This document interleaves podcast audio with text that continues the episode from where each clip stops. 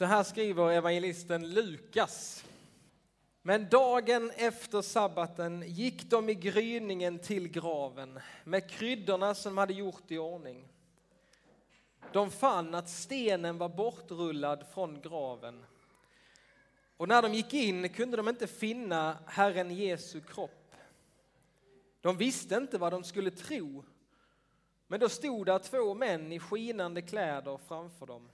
Kvinnorna blev förskräckta och sänkte blicken mot marken, men männen sade till dem Varför söker ni den levande här bland de döda? Han är inte här, han har uppstått. Kom ihåg vad han sade till er medan han ännu var i Galileen. Att Människosonen måste överlämnas i syndiga människors händer och korsfästas och uppstå på tredje dagen. Då kom de ihåg hans ord och när de hade återvänt från graven berättade de allt sammans för de elva och alla de andra. Det var Maria från Magdala och Johanna och Maria, Jakobs mor. Även de andra kvinnorna i deras sällskap talade om det för apostlarna. De tyckte att det bara var prat och trodde inte på dem.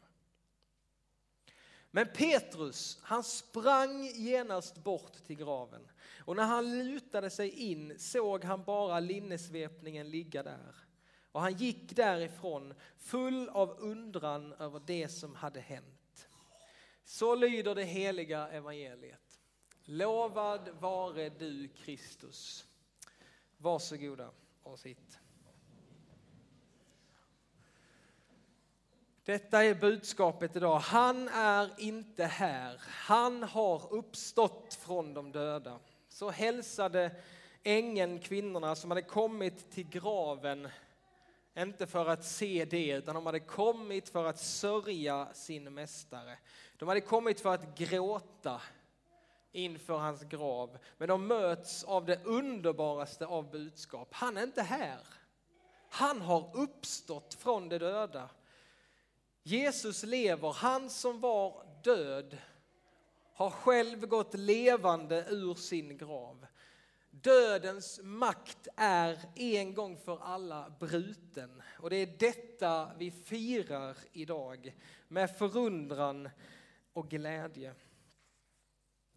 Dödens makt är besegrad i Jesu namn och därför så säger vi Kristus är uppstånden. Ja, han är sannoliken uppstånden. Han är inte här. Varför söker ni den levande bland de döda? Frågade ängeln. Nej, Jesus var inte där. Han lever för evigt och därför kan jag idag få berätta det helt underbara budskapet för er. Han var inte där, men han är här. Han är här. Han som lever för evigt är här idag. För att ge dig och mig nytt liv. Ge oss av sitt liv. Han är här i vår gudstjänst idag för att möta oss. Överallt där påskens glädje förkunnas, inte minst när nattvarden firas, i brödet och vinet så är han här och vill möta dig. Han kommer till oss idag, han vill säga det till dig tror jag, du behöver inte vara rädd. För jag har besegrat döden.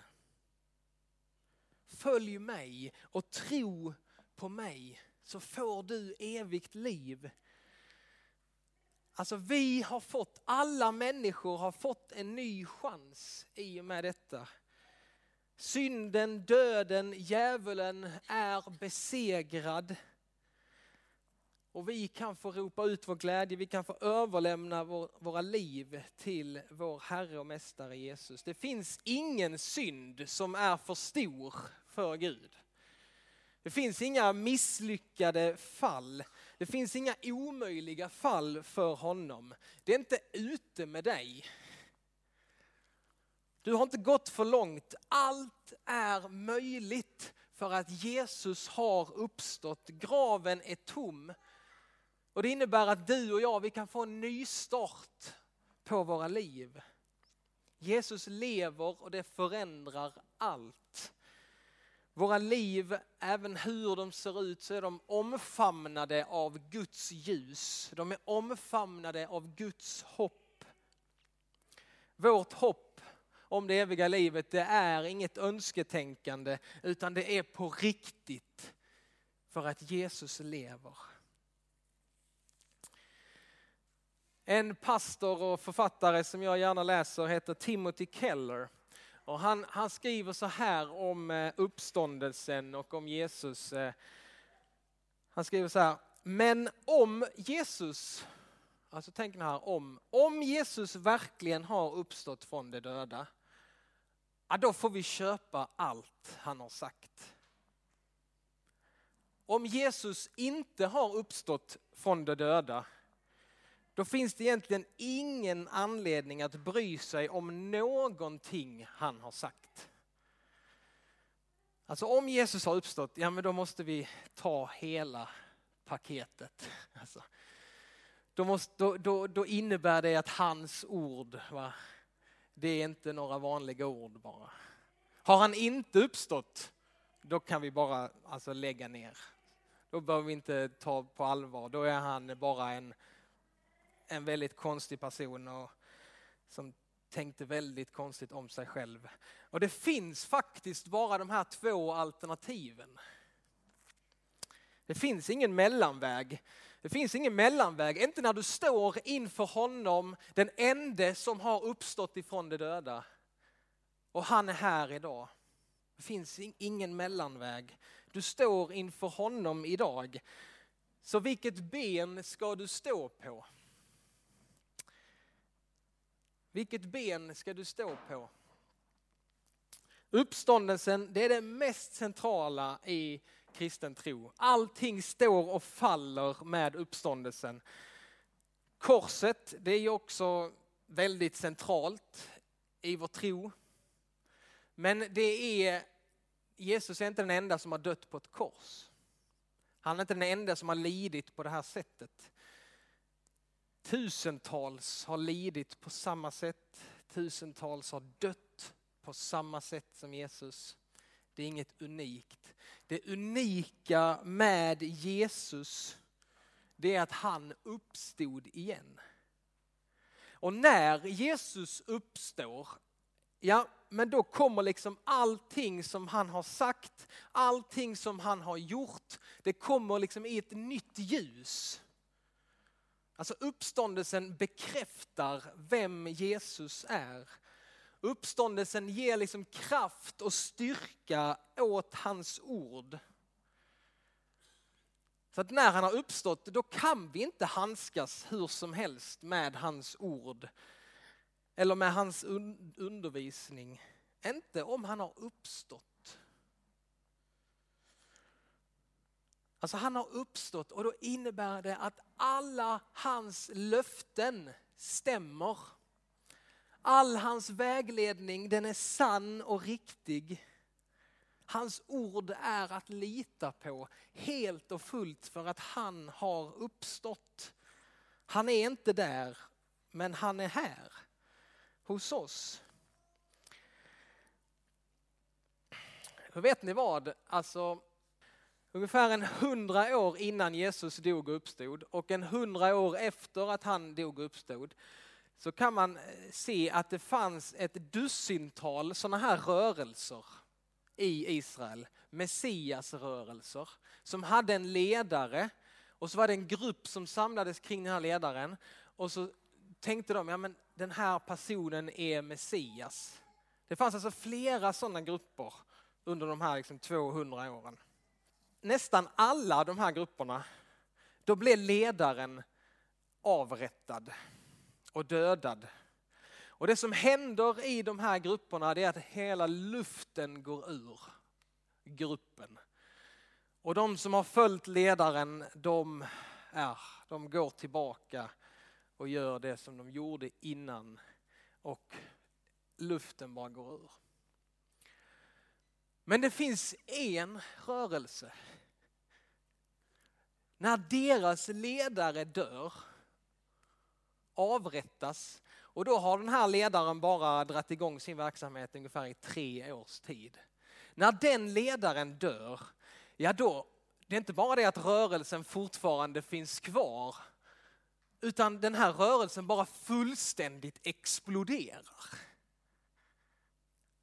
Och efter 300 år så har den här rörelsen, en liten judisk liksom, messiasrörelse från Galileen, blivit statsreligion i hela romarriket. Och budskapet om Jesus har blivit spritt i hela den kända världen. Alltså försök förklara det. Försök förklara det.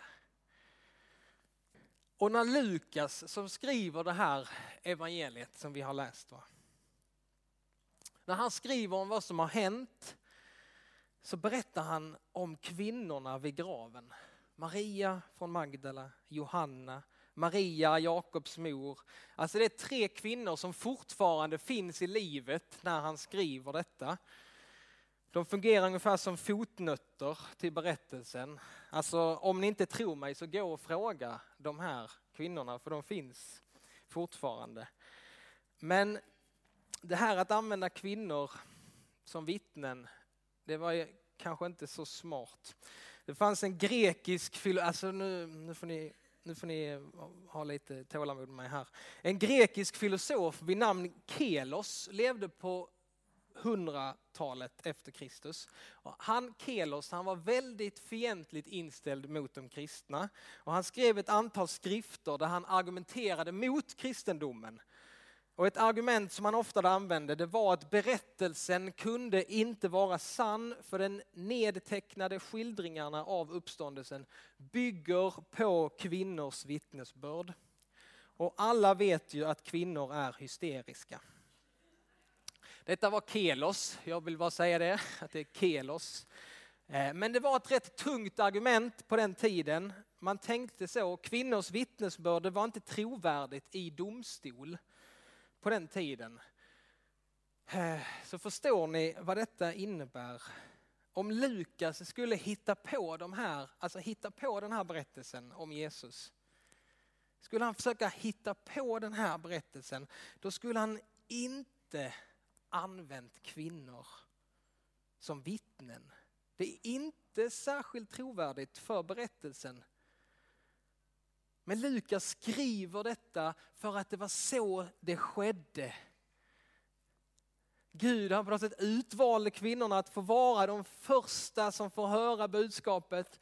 Kvinnorna blev de första evangelisterna, de första predikanterna om uppståndelsen. Och detta ökar trovärdigheten att det inte är uppdiktade berättelser utan att det verkligen skedde så. Men okej, okay, om, om det är så att du tror att uppståndelsen har ägt rum. Du tror att det är sant. Du tror att Jesus har dött och uppstått för din skull. Du tror att detta på något sätt har bara förändrat hela din bana i livet och nu är du på väg mot ett evigt liv med Gud. Du vet att du är en del av Guds familj. Men sen då? Alltså om vi frågar oss, betyder uppståndelsen något för ditt liv idag? Imorgon? På torsdag? Ja, i allra högsta grad så gör det det. Det är inte bara någonting som vi väntar på ska komma, utan det, ska ju, det förändrar och förvandlar vår vardag.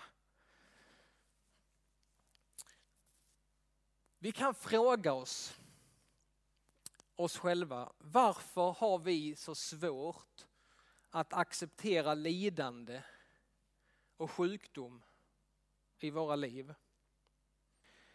Varför har vi så svårt att göra det som är rätt?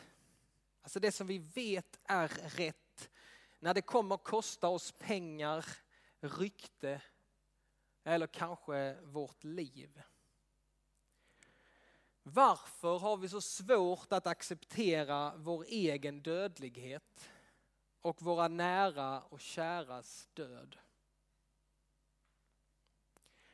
Jo, jag tror att detta är svårt för oss för att vi, vi tänker så ofta och så lätt att den här världen, det vi ser här och nu, det är vårt enda liv. Denna världen, det här livet är det enda jag kommer ha. Alltså rent praktiskt, du kanske tror i teorin att det finns, men vi lever som om detta är allt. Detta livet är allt. Men tänk om det är så här att denna världen inte är allt. Tänk om det är så att den kropp som du har just nu, det är inte den enda kropp som du kommer ha. Det enda livet som du kommer uppleva, det är inte bara detta. Utan det är ett liv som väntar dig. Tänk om det är så att en dag så ska du och jag få uppleva ett fullkomligt liv. Vad, vad, spelar det för roll då hur man blir behandlad av människor eller vad människor tänker och tycker om dig? Alltså du och jag, vi behöver inte krampaktigt pressa ut det bästa ur detta livet. Som om vi bara levde detta livet. Alltså detta är dagen då YOLO slänger sig, släng dig i väggen. YOLO, ni vet va? Förkortningen You only live once. Som många människor använder idag. Jag lever bara en gång, därför måste jag testa. Jag måste följa alla mina... Jag måste göra det, jag måste... Ah, det stämmer inte på mig. Jag ska leva igen. Jag har ett liv som väntar mig. Detta är inte allt för mig. Rädslan, krampen, alla måsten, stressen i livet. Ja, din eh, bucket list för ditt liv, alltså listan på vad du måste göra innan du dör. Riv sönder den. Detta livet är inte allt. Vi väntar ett fullkomligt liv. Alltså, det förändrar ju allt. Vad du än har för krämpor eller vad du än, eh, hur ditt liv än ser ut. Att få veta det, att en dag så väntar ett fullkomligt liv. Om du inte kan använda din kropp idag så kommer du kunna göra det i himlen. Om du känner dig ensam här så kommer du få uppleva fullkomlig kärlek och gemenskap i himlen. Om du inte tycker att dina drömmar slår in här i världen. Jag säger dig att Gud har det bästa livet för dig och det ligger framför dig. Om du känner dig tom här så kommer du känna dig totalt uppfylld och totalt tillfredsställd när du möter din Herre och Frälsare. För han är den som har din framtid i din hand och den är så god. Så ytterst sett så har du inget att oroa dig för här i, denna, i detta livet. Därför kan du vara frimodig. Du kan vara fri, du kan våga ta risker. Hur än vårt liv ser ut här och nu så kan vi med hopp och glädje se fram emot den dag då våra lidande ska ta slut. Då vår oro i bröstet byts ut mot fullkomlig frid. Det tog sju dagar för Gud att skapa den här jorden. Jag tror han har hållit på att skapa den nya världen sedan Jesus uppstod. Och detta gör en enorm skillnad för hur vi ser på vårt liv, hur vi lever vårt liv här och nu. Är det något du ska satsa på här i livet så är det inte att samla skatter här på jorden eller att samla på upplevelser eller saker för din egen skull. Att du ska få ut så mycket av detta livet. Nej, satsa på Jesus. Satsa på att få ut så mycket du bara kan av livet med Jesus. Det är den bästa investeringen du kan göra och den kommer ge dig glädje som kommer eka ända in i evigheten. Varje dag som vi lever här är en gåva av honom och varje dag här är märkt av uppståndelsens glädje. Jesus han lever och vi ska leva med honom. Kristus är uppstånden. Ja, han är sannoliken uppstånden. Kristus är uppstånden. Ja, han är sannoliken uppstånden. Kristus är uppstånden. Ja, han är sannoliken uppstånden. Nu står vi upp och så läser vi trosbekännelsen. Eller rättare sagt, vi ber trosbekännelsen tillsammans. Vi tror på Gud Fader allsmäktig, himmelens och jordens skapare. Vi tror och på Jesus Kristus, hans enfödde son, vår Herre, vilken är avlad av den helige Ande, född av jungfrun Maria, pinad under Pontius Pilatus, korsfäst, död och begraven, nederstigen till dödsriket, på tredje dagen uppstånden igen ifrån de döda, uppstigen till himmelen, sittande på allsmäktig Gud Faders högra sida, därifrån igenkommande till att döma levande och döda. Vi tror och på den helige Ande, en helig allmännelig kyrka, det heliga samfund, syndernas förlåtelse, det dödas uppståndelse och ett evigt